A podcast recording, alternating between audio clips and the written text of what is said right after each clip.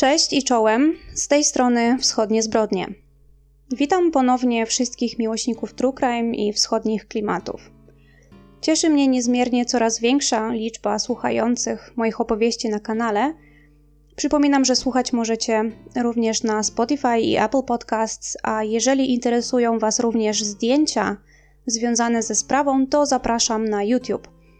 W miarę możliwości staram się tam wrzucać zdjęcia związane ze sprawą, o ile oczywiście do takowych udaje mi się dotrzeć.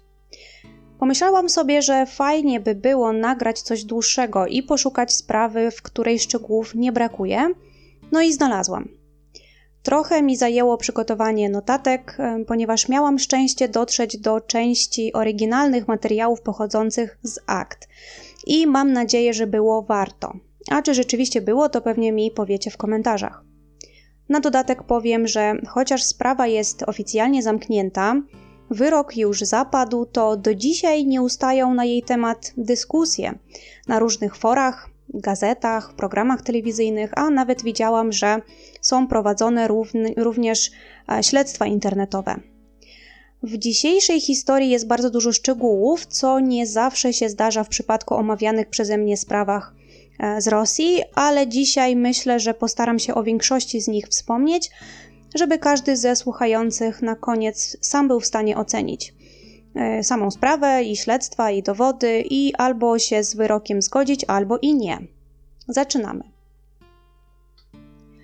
Dzisiaj porozmawiamy na tematy ważne, podstawowe, takie jak e, przyjaźń, dorastanie, relacje z rodzicami, toksyczne znajomości, zaufanie rodziców do dzieci i konsekwencje, jakie ponosimy za własne decyzje i czyny. Jak widzicie, poruszane będą kwestie, które nikomu ze słuchających raczej nie są obce, co myślę, że może skłonić do wielu refleksji i wywołać ciekawą dyskusję. Jak wspominałam, będzie szczegółowo, więc jeżeli ktoś nie za bardzo lubi wgłębiać się w relacje międzyludzkie, to może się trochę nudzić a wgłębić się w te relacje muszę, żeby zrozumieć wszystkie późniejsze wydarzenia. Dzisiaj przenosimy się do południowo-zachodniej części Rosji, do miasta Piatigorsk, blisko granicy z Gruzją.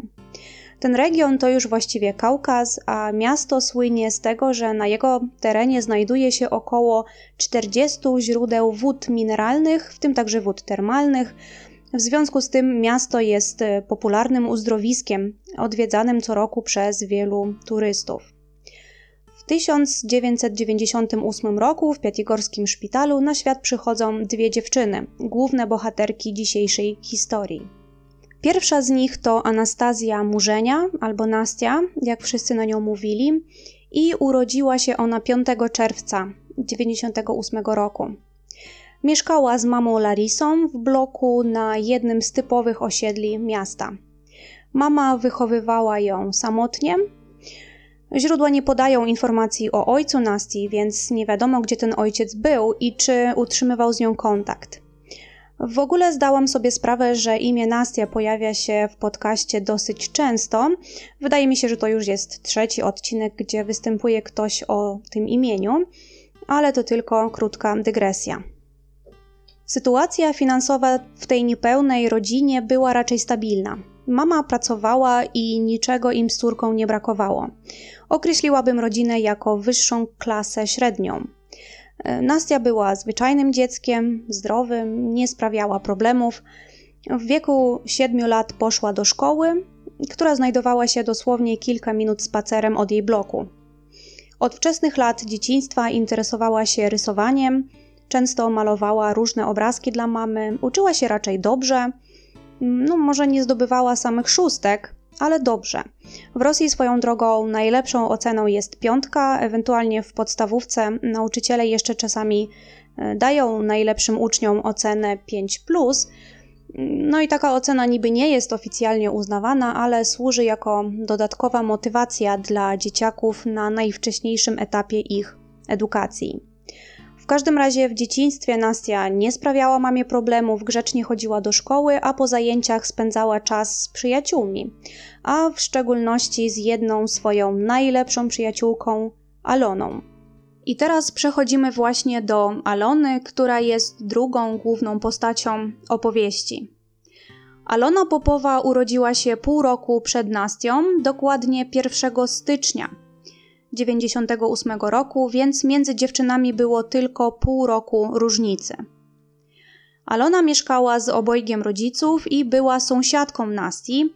Jej blok znajdował się naprzeciwko bloku, w którym mieszkała jej przyjaciółka. W pierwszych latach po rozpoczęciu edukacji w szkole Alona uczyła się świetnie, zdobywała same najlepsze stopnie i podobno była stawiana jako przykład innym dzieciom z klasy, w tym również swojej przyjaciółce Nasti. Prawdopodobnie najlepiej szło jej z językiem angielskim i właśnie z tym na początku wiązały się nadzieje i oczekiwania jej rodziców co do jej późniejszej edukacji i kariery. Interesowała się również późniejszych latach oczywiście designem, projektowaniem ubrań, szyciem, więc też można powiedzieć, że rozwijała się artystycznie. Nastia i Alona poznały się w szkole i zaprzyjaźniły od samego początku pierwszej klasy podstawówki. Ponieważ dziewczyny mieszkały bardzo blisko siebie, to po szkole bawiły się razem na podwórku, spędzały dużo czasu na placu zabaw. Często znajdowały bezdomne małe kotki, przynosiły je na teren swojego osiedla i tam, z tego co opowiadała mama jednej z dziewczyn, zrobiły dla tych kotków e, mały domek ze skrzynek, jakichś desek. E, tam postawiły dla nich miski, dokarmiały te kotki i codziennie odwiedzały. Obie swoją drogą bardzo lubiły zwierzęta. We wczesnym wieku szkolnym dziewczyny były dosłownie nierozłączne. Często przychodziły do siebie do domów, daleko nie miały swoją drogą, a rodzice też nie mieli nic przeciwko temu. E, miały wspólne zainteresowania, bo obie lubiły rysować, słuchały podobno też tej samej muzyki. Rodzice przyjaciółek się znali, bo byli sąsiadami, e, dlatego musieli się widywać zarówno na osiedlu, jak i w szkole podczas na przykład e, wywiadówek ponieważ dziewczyny chodziły też do tej samej klasy. I o ile powiedziałam, że w podstawówce Alona i Nastia cały czas ze sobą przebywały i co chwilę e, przychodziły do siebie do domów, a rodzice nie mieli y, nic przeciwko, to fakt. Natomiast po wkroczeniu w wiek gimnazjalny pojawiły się pierwsze problemy. I to problemy bynajmniej nie pomiędzy przyjaciółkami, tylko w pewnym momencie mama Nasti, czyli tej, która miała nieobecnego ojca. E, zaczęła mieć dosyć sceptyczne nastawienie do Alony i bliskiej relacji jej córki z nią. Według kobiety Alona miała niefajny charakter i niezbyt dobrze wpływała na jej córkę. Twierdziła, że Alona była osobą, która lubiła różnego rodzaju awantury, plotki, kłótnie, była z jednej strony typem lidera, taką popularną dziewczynę, która miała swoją paczkę, mm, ale czasami też skłócała między sobą różne osoby albo rozsiewała e, plotki. Taki trochę toksyczny typ koleżanki z klasy, może kojarzycie czy pamiętacie z czasów szkolnych takie znajomości. Nie jestem w stanie stwierdzić, czy tak faktycznie było, bo powtórzę się, że była to opinia mamy Nasti tylko i wyłącznie, ale w każdym razie Alona niewątpliwie dominowała nad swoją przyjaciółką, wiodła prym w tej relacji, a Nastia, dużo spokojniejsza, raczej dostosowywała się do niej. Alona była częstym gościem w mieszkaniu Nasti, mm, co, jak możemy się domyślać, jej mamie nie do końca odpowiadało ze względów wyżej wymienionych. E, Nastia też często nocowała u Alony, e, co też spotykało się z krytyką mamy. E, kiedyś nawet doszło do takiej sytuacji, że zachowanie Alony na tyle zirytowało mamę Nasti. Nie wiem, co ona tam dokładnie zrobiła, ale do tego stopnia było nieprzyjemnie, że mama poprosiła ją, żeby opuściła ona ich mieszkanie, co wywołało z kolei gniew jej córki. Spakowała rzeczy i wyszła wtedy z mieszkania razem z Aloną i nie wróciła na noc. Rozumiem, że zbuntowała się przeciwko własnej mamie, która negatywnie odbierała jej najlepszą przyjaciółkę. Ale co ciekawe, już następnego dnia Nastia zadzwoniła do mamy i powiedziała, że chce wrócić, ponieważ według niej mieszkanie Alony było domem wariatów, cokolwiek to znaczy. Nastia wróciła do domu, ale mimo wszystko, według rodziców i znajomych, między przyjaciółkami nigdy nie dochodziło do żadnych konfliktów. Dziewczyny dalej się przyjaźniły, e, wspólnie spędzały czas, jeździły na festiwale, nad morze i odwiedzały się w swoich domach. No dobrze, to tyle jeśli chodzi o historię ich przyjaźni. Tyle udało mi się znaleźć i większość pochodzi z zeznań mamy Nasti albo ze słów e, znajomych dziewczyn. Zmiana nastąpiła, kiedy dziewczyny miały około 15 lat. Wtedy mama Nasti ponownie wyszła za mąż. Ten jej nowy wybranek pracował w Moskwie, więc zapadła decyzja, że Nastia i jej mama sprzedadzą mieszkanie w Piatigorsku i przeprowadzą się do stolicy. I tak się właśnie stało i było to w roku 2014. Z tego powodu nierozłączne przyjaciółki straciły możliwość codziennego widzenia się w szkole czy spędzania wolnego czasu wspólnie po zajęciach. Źródła jednak nie wspominają, żeby w związku z tą decyzją doszło do jakichkolwiek konfliktów między Nastią a jej mamą, żeby na przykład dziewczyna nie chciała jechać czy protestowała. Nic z tych rzeczy. Raczej odwrotnie.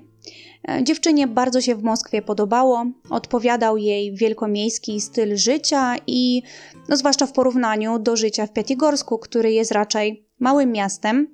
Obecnie mieszka w nim zaledwie 150 tysięcy osób. Nastia rozpoczęła w Moskwie naukę w koledżu, prawdopodobnie o profilu artystycznym, ponieważ to jej hobby związane z rysowaniem musiało naprawdę sprawiać jej dużo radości i chciała się w tym kierunku kształcić i doskonalić swoje umiejętności. Ze swoją przyjaciółką Aloną, co prawda, dziewczyna kontaktu nie straciła.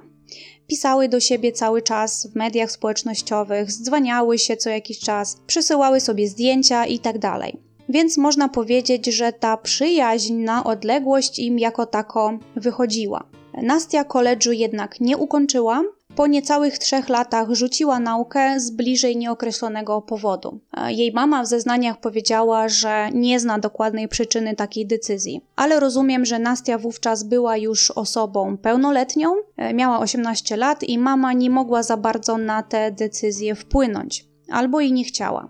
Ogólnie możemy zauważyć już na tym etapie opowieści, że mama próbowała tu i tam jakieś granice córce wyznaczać, ale chyba zbyt konsekwentna nie była, jeśli chodzi o jej wychowanie. Mm, a córka wydaje się jednak wszystko robić po swojemu, ale o tym jeszcze pogadamy.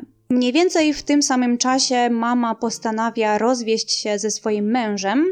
E, małżeństwo zatem zbyt długo nie potrwało. Wtedy córka zaproponowała mamie dosyć logiczne rozwiązanie, jakim miał być powrót do rodzinnego miasta, skoro nikt i nic e, już ich w stolicy nie trzyma a mama się zgodziła. I jak postanowiły, tak zrobiły i w 2016 roku wróciły do Piatigorska, gdzie wieloletnia przyjaźń dziewczyn mogła dalej trwać w najlepsze jak za czasów szkolnych. Po powrocie Nasti do Piatigorska doszło do długo wyczekiwanego połączenia dwóch przyjaciółek, które w tamtym czasie generalnie nic ciekawego ze swoim życiem nie robiły, ponieważ ani jedna, ani druga się nigdzie nie uczyły, więc włóczyły się tu i tam, imprezowały, spędzały czas z innymi znajomymi. I znowu chcę zauważyć, że z tego co tutaj widzimy, rodzicom to odpowiadało, bo osiągnięcie pełnoletności to jest jedno, ale wydaje mi się, że po osiągnięciu właśnie przez dzieci 18 lat wielu rodziców jeszcze jest w stanie przekonać swoje dzieci do pójścia na studia, zdobycia jakiegoś zawodu albo nawet pójścia do pracy. W każdym razie wtedy też Nastia poznała w Piatigorsku chłopaka, z którym zaczęła się spotykać. I nie wiadomo do końca, czy relacja była platoniczna, czy dochodziło między nimi do zbliżeń. Nie jestem pewna, ale był to jej pierwszy poważny związek. Jeżeli chodzi o Alonę, to ona już w wieku 15-16 lat mniej więcej rozpoczęła okres randkowania i już wtedy ponoć straciła dziewictwo. Więc to był dla dziewczyn taki niepewny pod kątem przyszłościowym okres, ale na pewno przez same dziewczyny postrzegany jako fajny, bo cały wolny czas, którego miały zdecydowanie dużo, spędzały raczej na przyjemnościach. Znajomi dziewczyn z tamtego okresu opowiadali, że dziewczyny wciąż były nierozłączne. Była między nimi jakaś taka specyficzna, bardzo mocna więź, tak jakby nawzajem się uzupełniały. Alona była aktywna i głośna, ale ponoć całkiem rozważna. Nastia natomiast dużo spokojniejsza, ale też lekkomyślna i spontaniczna. W tamtym okresie wiadomo też, że zaczęły palić papierosy, zrobiły sobie kilka tatuaży, a czasem zdarzało im się też pić alkohol. Ciekawe swoją drogą, e, co na to rodzice, ale domyślam się, że albo nie wiedzieli wszystkiego, tak jak to często bywa w tym wieku, albo dali sobie już spokój z kontrolą rodzicielską i istniało pewne przyzwolenie, jeżeli chodzi o takie klimaty. Ten okres nic nie robienia jednak nie potrwał długo, ponieważ w wieku 19 lat Nastia postanowiła, że chce z powrotem wyjechać do Moskwy. Jak wspominałam, kiedy mieszkała tam z matką, to życie w stolicy bardzo jej się podobało, więc postanowiła wyjechać tam do pracy. Wyjechała e, do Moskwy na kilka miesięcy i zatrudniła się jako kelnerka w jednym ze stołecznych barów. Zarobków nie miała zbyt wysokich, więc przez ten okres była cały czas wspierana finansowo przez swoją mamę. I tutaj dane ze źródeł trochę się rozchodzą, bo znalazłam informację, że podczas swojego pobytu w Moskwie Nastia pracowała jako striptizerka. Tak mówią jej znajomi z Moskwy. W żadnym barze ponoć nigdy nie pracowała, to była bajka zarezerwowana tylko i wyłącznie dla mamy. Ale kariera striptizerki nie poszła tak, jak Nastia zakładała. Nie przynosiło to jej ani dużych zarobków, ani specjalnej satysfakcji. Dlatego po kilku miesiącach w stolicy dziewczyna zadzwoniła do mamy z informacją, że ma zamiar wrócić do rodzinnego miasta i kontynuować przerwaną edukację. Miało to miejsce w sierpniu 2017 roku. Mama Nasti wysłała wtedy córce pieniądze na bilet lotniczy i była z nią w stałym kontakcie. Nastia zakupiła bilet powrotny, ale w dniu, kiedy miała mieć wylot, niespodziewanie poinformowała mamę, że zmieniła plany. I owszem, w domu się pojawi, ale poleci na początku do miasta Sochi. To jest taki kurort letni nad brzegiem Morza Czarnego. A poleci tam dlatego, że w Sochi obecnie przebywa jej przyjaciółka Alona z grupką znajomych.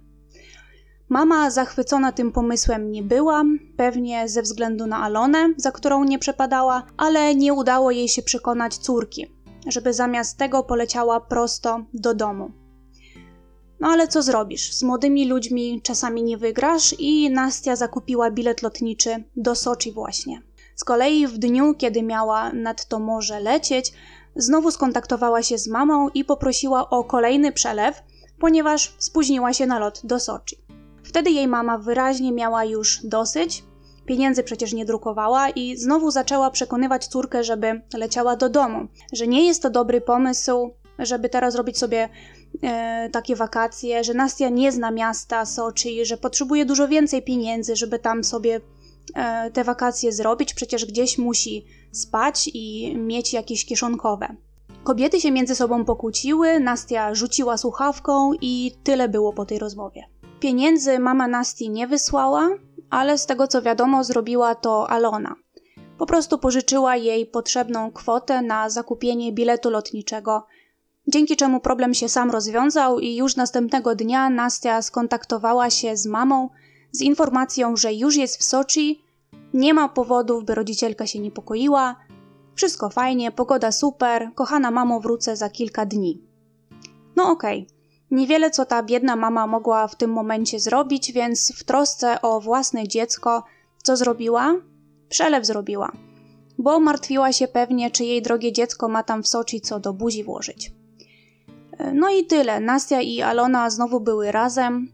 Zapowiadało się kilka kolejnych fantastycznych dni na plaży, w pięknym mieście, a czas miały spędzać na imprezowaniu, opalaniu się i kąpieli w morzu.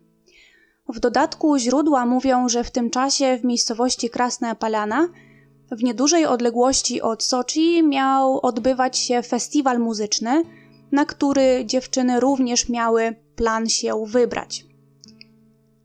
Nastia po raz ostatni zadzwoniła do mamy 27 sierpnia. Powiedziała, że wszystko jest w porządku, bardzo fajnie spędzają z Aloną czas, Ale mamo, może jakiś kolejny przelew, bo kasa mi się skończyła. Co robi mama? Oczywiście po raz kolejny robi przelew.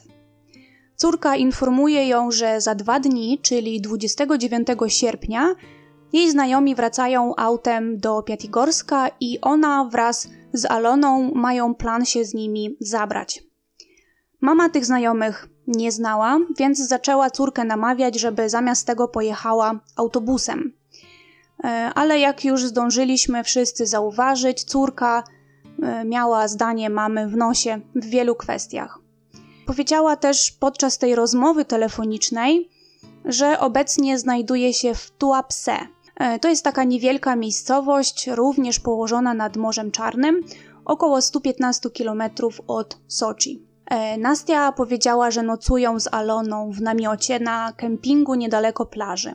Namiot należał do Nasti, zabrała go ze sobą jeszcze do Moskwy, mm, ponieważ podejrzewam, że pewnie planowała, że zostanie tam na dłużej i nie wiadomo kiedy na jakąś wycieczkę będzie potrzebowała namiotu. Więc przywiozła ten namiot ze sobą do Soczi, jak rozumiem. To miała być ostatnia noc dziewczyn nad morzem, e, bo już następnego dnia, 29 sierpnia, miały pojawić się w Piatigorsku, w domach rodzinnych. Nie podały natomiast dokładnej godziny powrotu, co według mnie ma sens, biorąc pod uwagę, że miały się zabrać ze znajomymi autem. Przypuszczam, że miałyby się pojawić w domu pod wieczór albo nawet w nocy, bo trasa jest dosyć długa. E, według map Google mieli do przejechania z tymi znajomymi około 600 km i e, droga zajęłaby im około 9 godzin. Jest wtorek, 29 sierpnia. O 10 rano do swojego mieszkania w Piatigorsku niespodziewanie wraca Alona Popowa zdecydowanie za wcześnie, biorąc pod uwagę to, co powiedziałam przed chwilą, bo gdyby nawet wyjechali ze znajomymi z Tuapse z samego rana, dziewczyna byłaby w domu najwcześniej po godzinie 17. Zdziwiona mama zapytała Alonę, dlaczego wróciła do domu wcześniej niż zapowiadała, czy coś się stało, czy zmienili plany i wyjechali jednak wieczorem poprzedniego dnia – ale Alona opowiedziała mamie, że tę ostatnią noc miały spędzić z Nastią w namiocie na dzikiej plaży w Tuapse, ale doszło między nimi pod wieczór do dosyć mocnej kłótni, po której Nastia wyrzuciła z namiotu rzeczy osobiste Alony i kazała jej spadać na drzewo.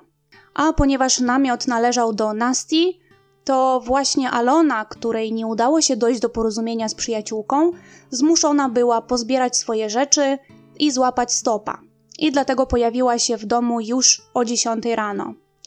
Nastia, według jej słów, została w namiocie i pewnie wróci ze znajomymi według ustalonego wcześniej planu. W tym samym czasie, również w godzinach e, porannych, mama Nasti próbuje się z nią skontaktować telefonicznie, żeby dopytać się, o której wyjeżdżają i kiedy mniej więcej może się jej spodziewać. Jednak telefon córki jest wyłączony. Po kilku nieudanych próbach mama Nasti niechętnie, ale dzwoni również do jej przyjaciółki Alony, ponieważ jeżeli ktoś miałby cały czas się znajdować z jej córką, to właśnie ona. Ale telefon Alony również jest włączony. Mama Nasti była lekko poddenerwowana, nie wiedziała dlaczego córka miałaby wyłączyć telefon, przecież cały czas były ze sobą w kontakcie, ale pomyślała, że być może już są w trasie i nie mają zasięgu albo telefony dziewczyn po prostu się rozładowały. Czuła lekki niepokój, ale postanowiła poczekać do wieczora, kiedy to córka miała wreszcie pojawić się w domu. Godziny mijały, córka wciąż nie oddzwaniała, a jej telefon pozostawał wyłączony.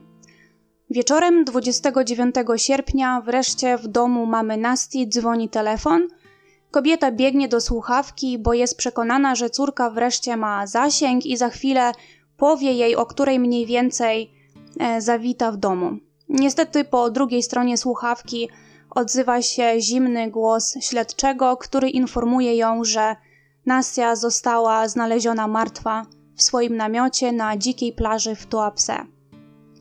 Kobieta jest w szoku, nie wierzy na początku własnym uszom, po czym zaczyna płakać i histeryzować. Nie ma pojęcia, jak mogło do tego dojść. Kobieta krzyczy do słuchawki, zadaje mnóstwo pytań, śledczemu, ale ten na chwilę obecną nie ma jej za dużo do powiedzenia. Kobieta pyta, czy martwa jest na miejscu również druga dziewczyna, czyli przyjaciółka Nasti, Alona, ale mężczyzna temu zaprzecza. Po jakimś czasie kobiecie udaje się jako tako opanować swoje emocje i znowu podejmuje próbę skontaktowania się z przyjaciółką córki. Tym razem telefon został, został e, odebrany, ale po drugiej stronie jest mama Alony, która mówi, że dziewczyna śpi po nieprzespanej nocy w trasie. Krótko po tym do mamy Nasti odzwania sama Alona i opowiada o tym, że między dziewczynami doszło do kłótni, że została wyrzucona z namiotu, więc była zmuszona wracać już poprzedniej nocy. O tym, co stało się z Nastią, dziewczyna nie miała pojęcia. Podejrzewam, że od mamy Nastii musiała się o tej strasznej tragedii dowiedzieć. No i moi drodzy, zobaczmy, co tu mamy. Otóż mamy niestety ciało Nasti, które odkrywają śledczy w namiocie na plaży. I wszystko wskazuje na to, że doszło do morderstwa, bo obrażenia na jej ciele na to wyraźnie wskazują. Ale o tym więcej szczegółów za chwilę. Mamy też jej najlepszą przyjaciółkę, która mówi o kłótni, jaka się między nimi wywiązała i że pokłóciły się do tego stopnia, że Alona nie miała gdzie spać, e, więc musiała wracać autostopem do domu. Więc pytanie, co stało się z Nastią Murzenia? Kto ją zamordował? I czy mogła to być Alona, jej najlepsza przyjaciółka? Przechodzimy teraz do przebiegu wydarzeń, najbardziej prawdopodobnego przebiegu, na podstawie zeznań świadków i ustaleń śledczych. Nie dotarłam do tego, kto dokładnie znalazł ciało Nasti i wezwał na miejsce patrole policji ale miało to miejsce 29 sierpnia 2017 roku około godziny 16. Miejsce znalezienia zwłok to, jak wspominałam, dzika plaża w Tuapse. Jest na niej rozbity namiot koloru brązowego. Na powierzchni samego namiotu nie znaleziono żadnych śladów uszkodzeń mechanicznych, takich jak dziur albo rozcięć. Natomiast znaleziono na niej plamy, prawdopodobnie ludzkiej krwi. W środku namiotu śledczy widzą koc i rzeczy osobiste Nasti. Sama dziewczyna oczywiście nie żyje, leży na lewym boku, ubrana w białą koszulkę na ramionczkach i czarne bawełniane majtki. Ma zgięte kolana, a na ustach, pod nosem i na uszach widoczne są obfite plamy krwi. Z tyłu głowy dziewczyny znajduje się obszerna rana pokryta krwią i szarą substancją, co przy pierwszych oględzinach wydaje się być mózgiem. Jako przyczynę śmierci podano pęknięcie czaszki od uderzenia w głowę ciężkim, tępym narzędziem. Oprócz tego stwierdzono liczne ślady po uderzeniach na twarzy Nasti, m.in. siniaki w okolicach prawego oka i ucha, a także na szyi. Dziewczyna miała złamane paznokcie na obu rękach, co mogło też wskazywać na to, że walczyła o własne życie. Na głowie też widniał ślad po wyrwanej kępce włosów, do tego otarcia w okolicy dolnej szczęki. Eksperci stwierdzili, że do uderzeń, które spowodowały śmierć dziewczyny, doszło wtedy, kiedy dziewczyna znajdowała się w środku a śmierć nastąpiła od razu po zadaniu jej śmiertelnego ciosu w tył głowy, który spowodował pęknięcie czaszki. Nie znaleziono śladów próby przemieszczania czy ciągnięcia ciała, więc namiot był uznany za miejsce popełnienia zbrodni. Nie znaleziono żadnych śladów wykorzystania seksualnego dziewczyny. Śledczy nie mieli żadnych wątpliwości, że doszło do morderstwa, ale wykluczyli motyw rabunkowy czy seksualny. Miejsce odnalezienia ciała zostało zabezpieczone, a ciało przewieziono do prosektorium oraz wszystkie rzeczy znajdujące się w namiocie zostały wysłane do zbadania pod kątem ustalenia pochodzenia plam i ewentualnego DNA sprawcy. Oczywiście rozpoczyna się w tym momencie śledztwo i pierwszą osobą, do której docierają śledczy jest oczywiście Alona, ponieważ zakładają, że mogła ona być ostatnią osobą, która widziała Nastię przed jej śmiercią. Śledczy bez większego wysiłku znajdują Alonę, ona cały czas jest w swoim mieszkaniu, No i oczywiście ją przepytują, na razie w roli świadka. Alona opowiada wersję, o której wam już wcześniej opowiedziałam, o kłótni, o autostopie itd. Tak to pierwsze przepytanie Alony miało miejsce 30 sierpnia, dzień po odnalezieniu ciała Nasti. Ale już 4 września Alona zostaje zatrzymana jako główna podejrzana w sprawie i decyzją sądu pozostaje w areszcie śledczym aż do procesu, więc poszło bardzo szybko.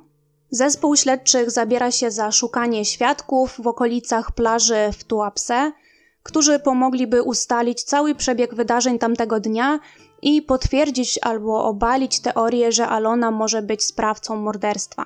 Teraz chcę Wam przedstawić wersję najważniejszych świadków w sprawie oraz dowody, które śledczy zebrali przeciwko Alonie, co pozwalało im przypuszczać, że jest ona właśnie morderczynią odpowiedzialną za śmierć przyjaciółki.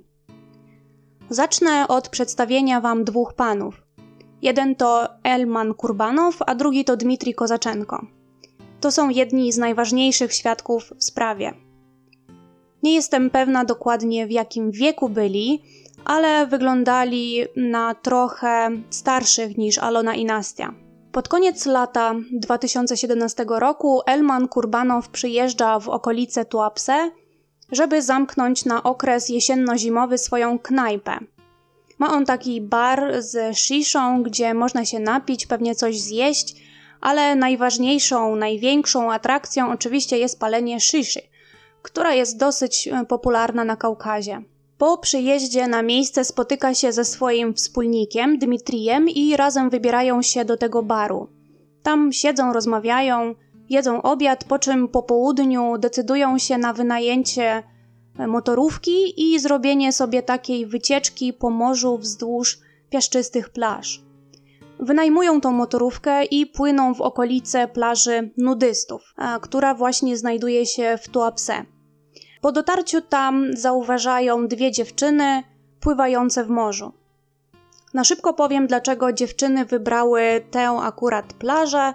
Po pierwsze, dlatego, że ponoć nie miały ze sobą strojów kąpielowych, stąd wybór plaży nudystów, a y, po drugie, wtedy pod koniec sierpnia wszystkie okolice Soczi były przepełnione ludźmi, a dziewczyny chciały przed tymi tłumami gdzieś się schować, a plaża nudystów nie była miejscem bardzo zatłoczonym. Chciały się poopalać, wykąpać, bardziej na dziko, zamiast typowej popularnej plaży, gdzie, jak wiemy, jest człowiek na człowieku.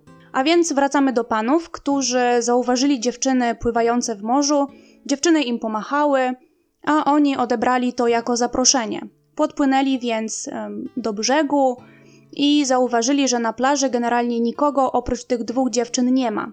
Tylko one, ich namiot, e, który się znajdował około 3 metrów od wody. Już będąc na plaży, panowie się przedstawili i zaproponowali dziewczynom, które według ich słów były wtedy topless, e, żeby się z nimi tą motorówką razem popływały. Dziewczyny się zgodziły i w trakcie tej wycieczki panowie ponoć pili whisky z kolą, a dziewczyny wino. Trochę nieodpowiedzialnie, ale wiemy jak to na wakacjach bywa. Ogólnie cała czwórka miło sobie spędzała czas na tej łódce. Dziewczyny opowiedziały o sobie co nieco, że były na festiwalu i że Nastia tu przeleciała z Moskwy. Umówili się, że e, tego wieczora spotkają się ponownie w mieście i poimprezują. Umówili się około godziny 21 pod barem, którego właścicielem był Elman, Zamówili pizzę i pili alkohol. Na początku przyjaciółki piły wino, potem zamówiły po jednym piwie, a pod koniec wszyscy zabrali się za konsumpcję whisky.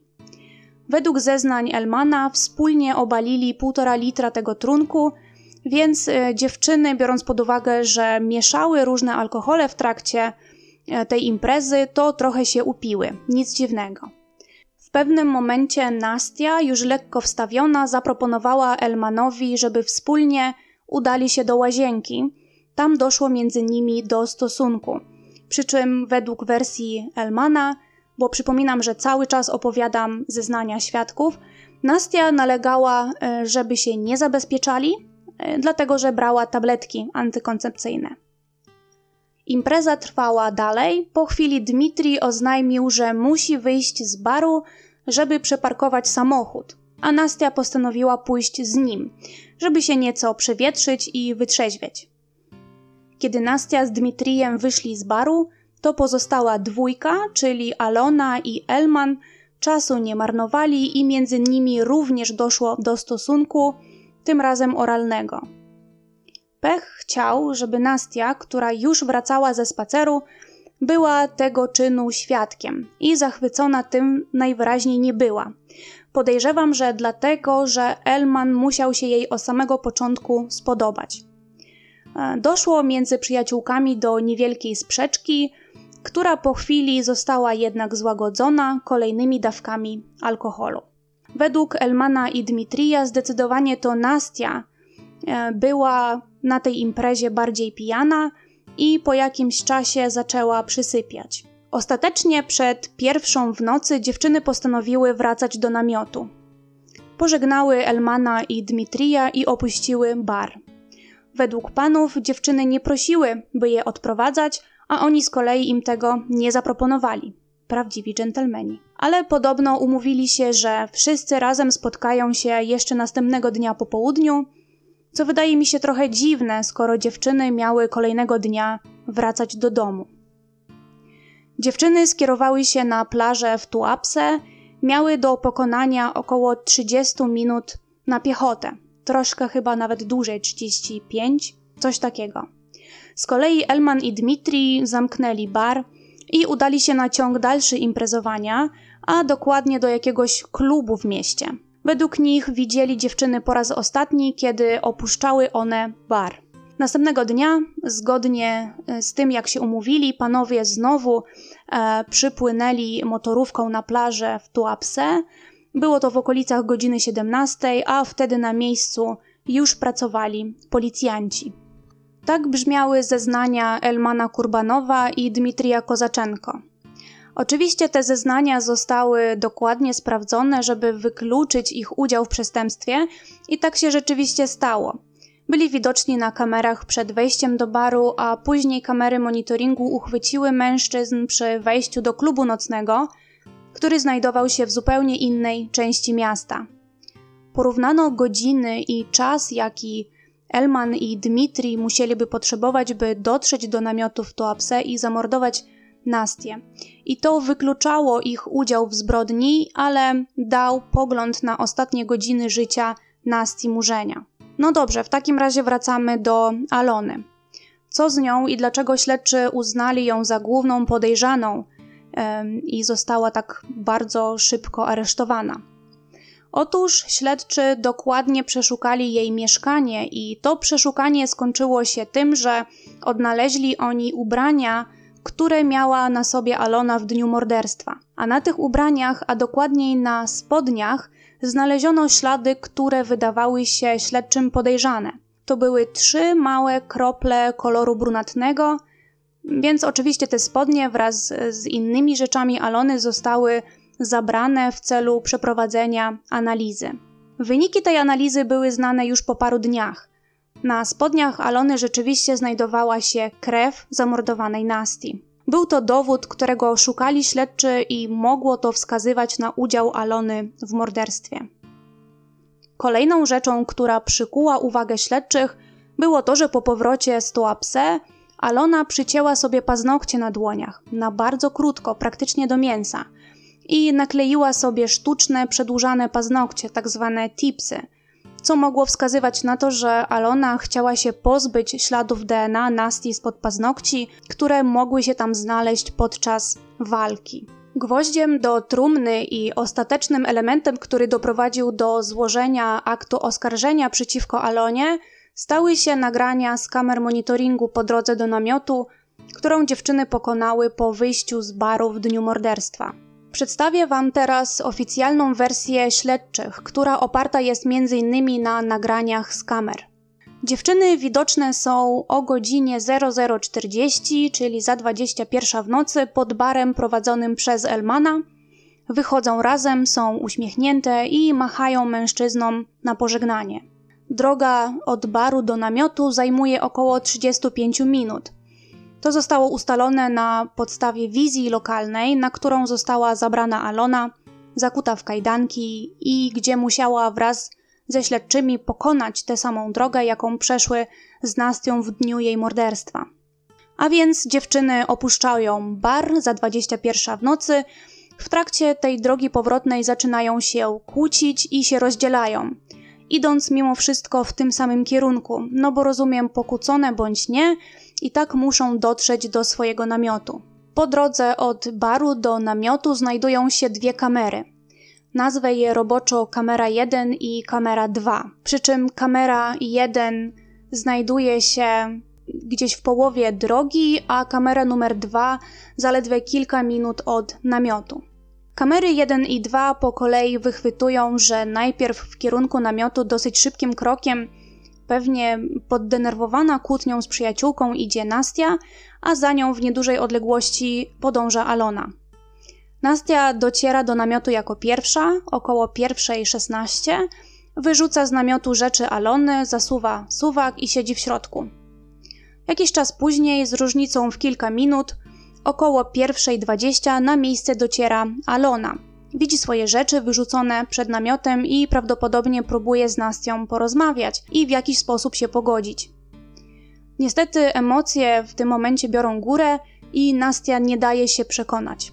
Więc Alona odchodzi od namiotu, idzie w kierunku, z którego przyszły i widać ją na nagraniach z najbliższej kamery, czyli kamery numer 2, która znajduje się w odległości 4 minut od namiotu.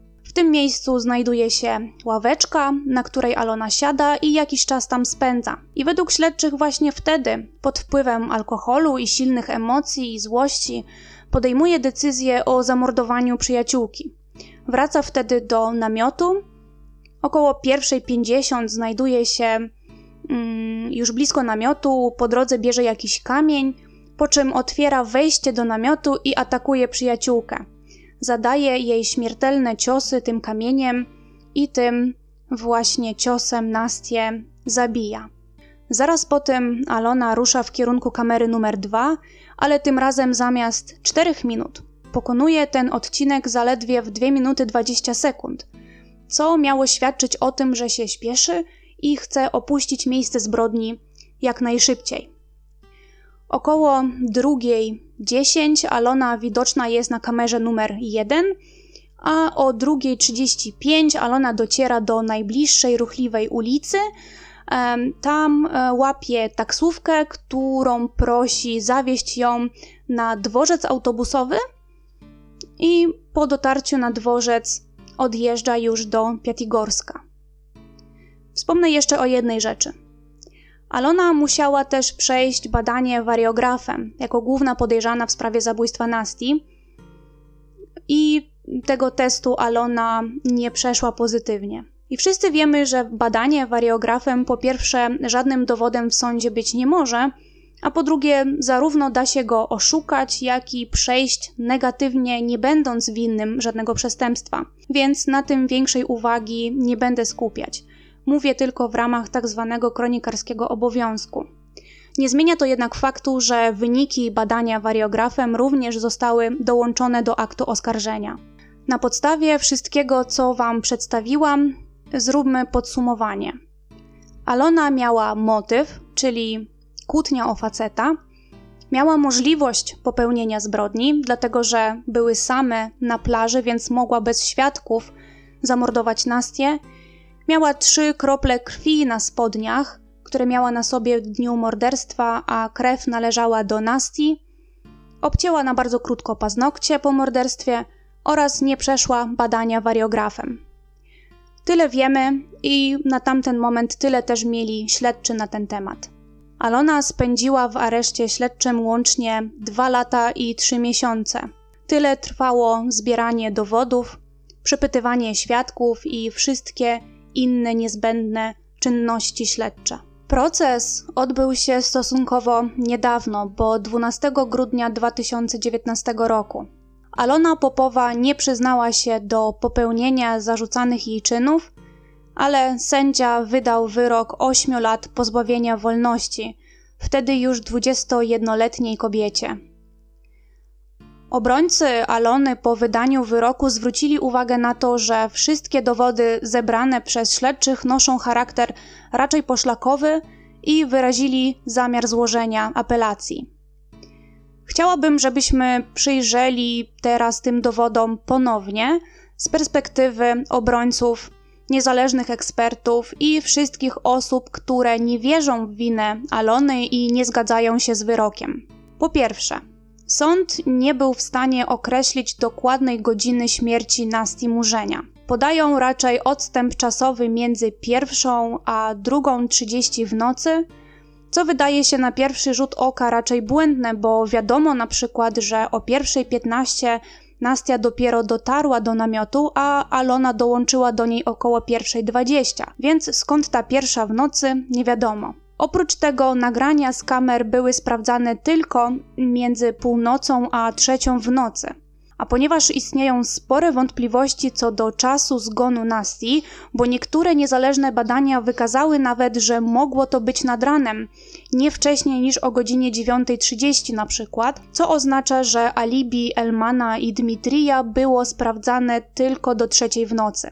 Nie wiadomo, co robili później i czy jest możliwy ich udział w zbrodni, zakładając, że śmierć Nasti mogła nastąpić dużo później niż druga 30 tak jakby śledztwo w ogóle nie brało od samego początku pod uwagę żadną inną wersję niż tą, że Nastia żyła tylko do czasu, w którym Alona opuściła plażę. O tym, że śmierć nastąpiła dużo później niż o 2.30, świadczyć również może to, że we krwi dziewczyny nie znaleziono śladów spożywania alkoholu.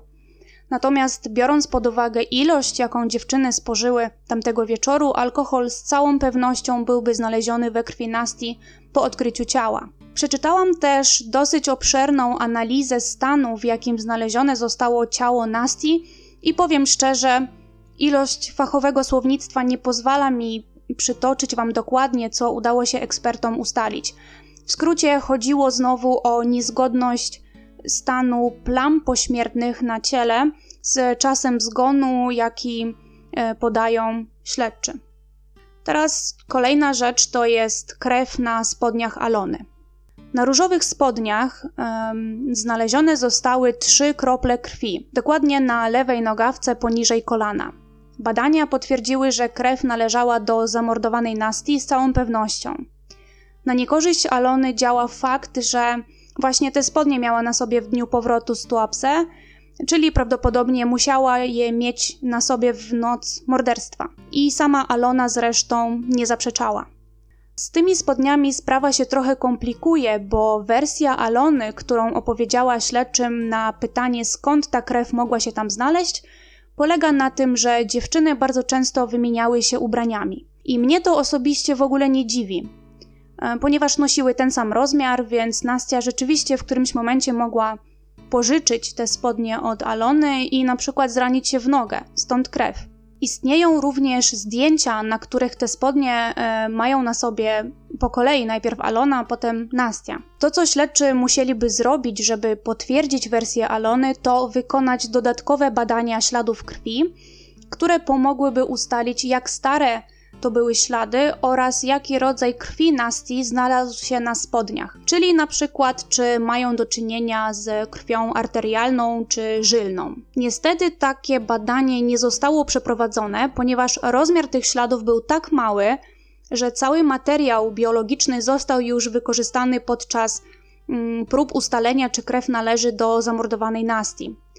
Po tym badaniu eksperci wykluczyli możliwość przeprowadzenia jakichkolwiek dodatkowych badań na podstawie śladów ze spodni Alony. Kolejna rzecz to obcięte paznokcie. Jak pamiętacie, śledczy podejrzewali, że Alona po powrocie z nadmorza obcięła sobie paznokcie na bardzo krótko, po czym nakleiła sobie tipsy w celu pozbycia się śladów Nasti spod paznokci. Zostały przeprowadzone badania cążek i pilników należących do Alony, żeby zobaczyć, czy są na nich ślady DNA Nasti. Wyniki tego badania są jednoznaczne. Żadnych śladów oprócz tych należących do Alony na tych pilniczkach i cążkach nie było. I teraz najważniejsze. Kolejny świadek, o którym nie wspominałam wcześniej, bo z jakiegoś powodu jego zeznania nie zostały um, w trakcie procesu wzięte pod uwagę. Tym świadkiem był Emanuel Brosze, do którego Nastia zadzwoniła w nocy, kiedy została zamordowana.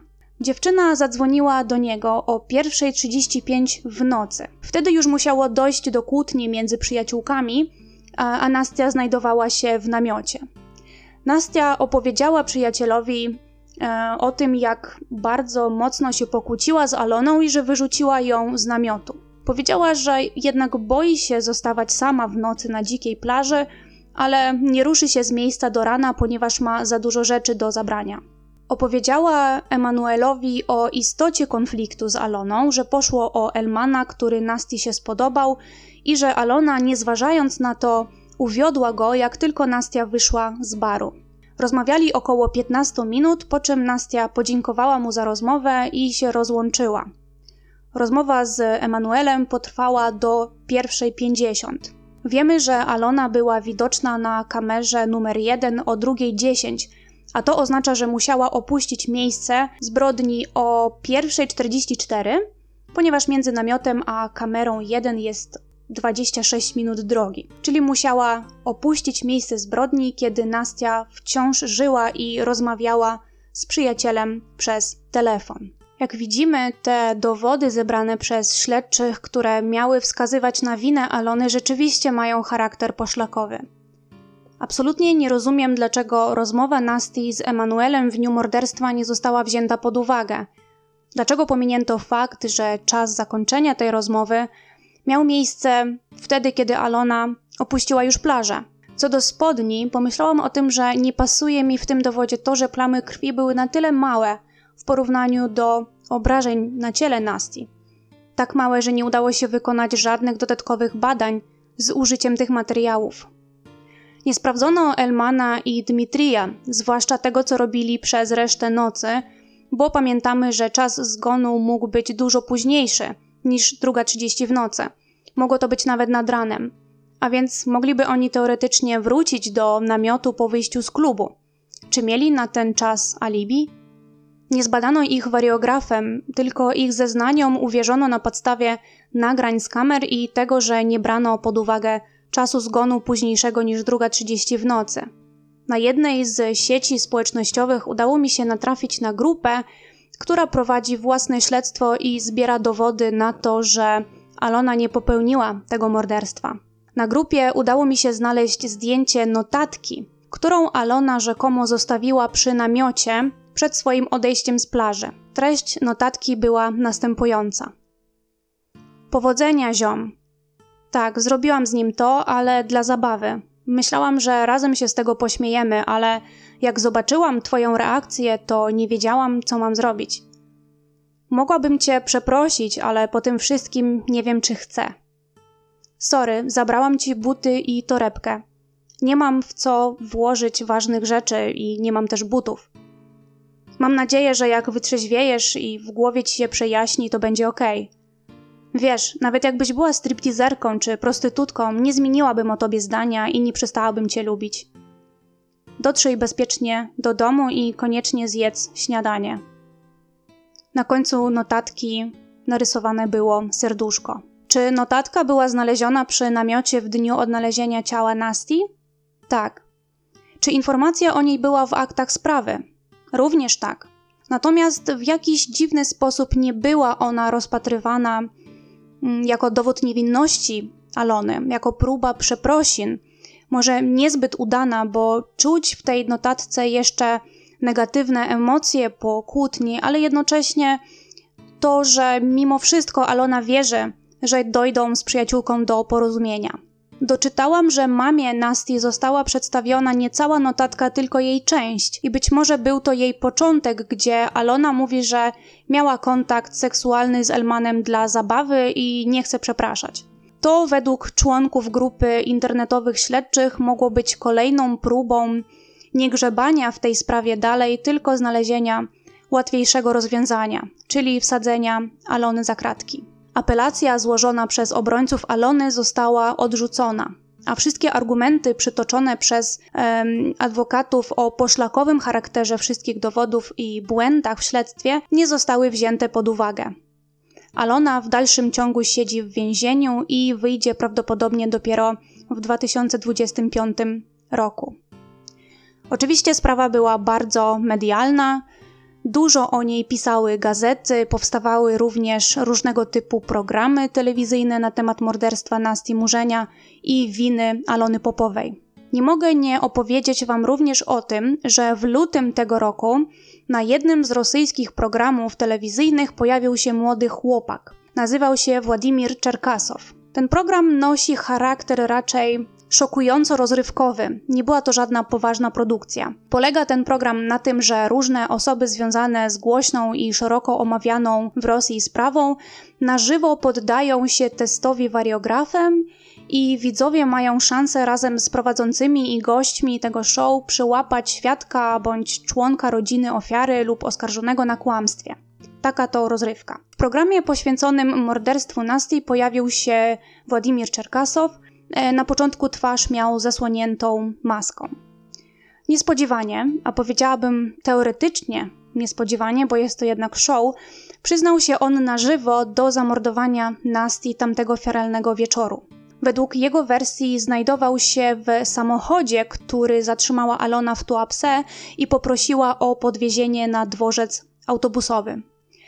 Po drodze Alona oczywiście opowiedziała chłopakom znajdującym się w samochodzie, było ich łącznie trzech. Co robi w środku nocy sama na drodze, opowiedziała o kłótni, o tym jak bardzo nie fair potraktowała ją Nastia, wyrzucając ją z namiotu. Ona nie ma gdzie spać, więc teraz e, w nocy musi wracać do Piatigorska. Według słów Władimira Czerkasowa był on wtedy pod wpływem silnych środków odurzających. Zapamiętał on historię Alony i tej nocy postanowił odnaleźć ten namiot, żeby z Nastią porozmawiać. Nie wiem w jakim celu, ale pamiętajmy, że był pod wpływem. Przyszedł na plażę w Tuapse, bez większego wysiłku znalazł namiot Nasti i obudził dziewczynę. Ona się obudziła i od razu się przestraszyła. Myślała, że e, ten ktoś chce ją skrzywdzić, zgwałcić, obrabować, więc zaczęła świecić w jego kierunku latarką i głośno krzyczeć. Władimir się przestraszył i żeby ją uspokoić, wziął z ziemi kamień i uderzył Nastię. Ona jednak nie przestawała krzyczeć, więc uderzył ją jeszcze kilka razy, po czym wyrzucił kamień do wody i uciekł. Według jego słów, kiedy opuszczał plażę, nie wiedział, czy pozostawił dziewczynę przy życiu. No i wyobraźcie sobie, coś takiego w programie telewizyjnym. Wszyscy w szoku. No i nie wiem oczywiście, czy w prawdziwym szoku, czy w takim telewizyjnym, ale mimo wszystko do studia od razu została wezwana policja, która po wyjściu chłopaka ze studia zatrzymała go i zabrała na komendę. E, tam chłopaka przesłuchano, ale po jakimś czasie wypuszczono. W związku z tym nagłym publicznym przyznaniem się do winy, Zostało jednak złożone zawiadomienie do prokuratury wraz ze, ze zeznaniami Władimira Czerkasowa, ale po niedługim czasie została wydana odmowa wszczęcia śledztwa przeciwko Czerkasowowi. Co ciekawe, kilka dni po rzekomym morderstwie Władimir wyjechał z Rosji do Urugwaju, gdzie znalazł pracę w pizzerii. Czy to była próba ucieczki i uniknięcia odpowiedzialności, a jeśli tak, to po co chłopak ostatecznie przyznał się do winy? A jeżeli rzeczywiście męczyły go wyrzuty sumienia i chciał wyrzucić to z siebie, to dlaczego nie udał się prosto na policję? Dlaczego trzeba było angażować się w program telewizyjny? Dla mnie ta cała historia z telewizją brzmi podejrzanie. Wygląda to na próbę wywołania taniej sensacji, a myślę tak dlatego, że gdyby istniały poważne przesłanki, że Władimir miał cokolwiek wspólnego ze sprawą, to jego zeznania i alibi zostałyby z pewnością sprawdzone, ale tego niestety nigdy nie zrobiono. I to już jest koniec dzisiejszej historii. Jestem ciekawa, jaka jest Wasza wersja wydarzeń. Czy Waszym zdaniem Alona rzeczywiście byłaby zdolna do zamordowania swojej najlepszej przyjaciółki? Przyjaciółki z dzieciństwa, z którą e, przeżyła całe swoje dotychczasowe życie i jak mówiłam, istniała między nimi jakaś taka więź. Czy myślicie, że dowody zebrane przez śledczych są wystarczająco obciążające i bez wątpienia wskazują na Alonę. Czy może dopuszczacie, że mógł to zrobić Elman albo Dmitri? Mm, bo tak jak wspominałam, nie wiadomo, co robili po trzeciej w nocy. Albo może ktoś inny, kto znalazł się w nocy na plaży, ktoś zupełnie nieznany, zobaczył samotną dziewczynę w namiocie i wtedy dopuścił się tej zbrodni. I czy kwestia robienia show na tragedii bliskich i przyjaciół zamordowanej Nasti nie wydaje wam się okrutne? Czy Władimir Czerkasow to tylko wymyślona postać zagrana na potrzeby programu przez tego młodego człowieka? Bardzo dużo pytań w tej sprawie, jak widzimy. Chętnie się dowiem, co o tym wszystkim sądzicie. Będę też wdzięczna za wyrozumiałość, jeśli znowu wkradły się jakieś błędy językowe, choć bardzo starałam się ich unikać. Żeby wprowadzić pewne urozmaicenie w kolejnym odcinku, to wrócę do Was ze sprawą seryjnego mordercy z czasów ZSRR, ale nazwiska Wam nie zdradzę. Napiszcie w komentarzach, o kim Waszym zdaniem będę mówić. Jestem ciekawa, ilu z Was zgadnie temat kolejnego odcinka. Bardzo Wam dziękuję za wysłuchanie. Do skorych wstrzeć.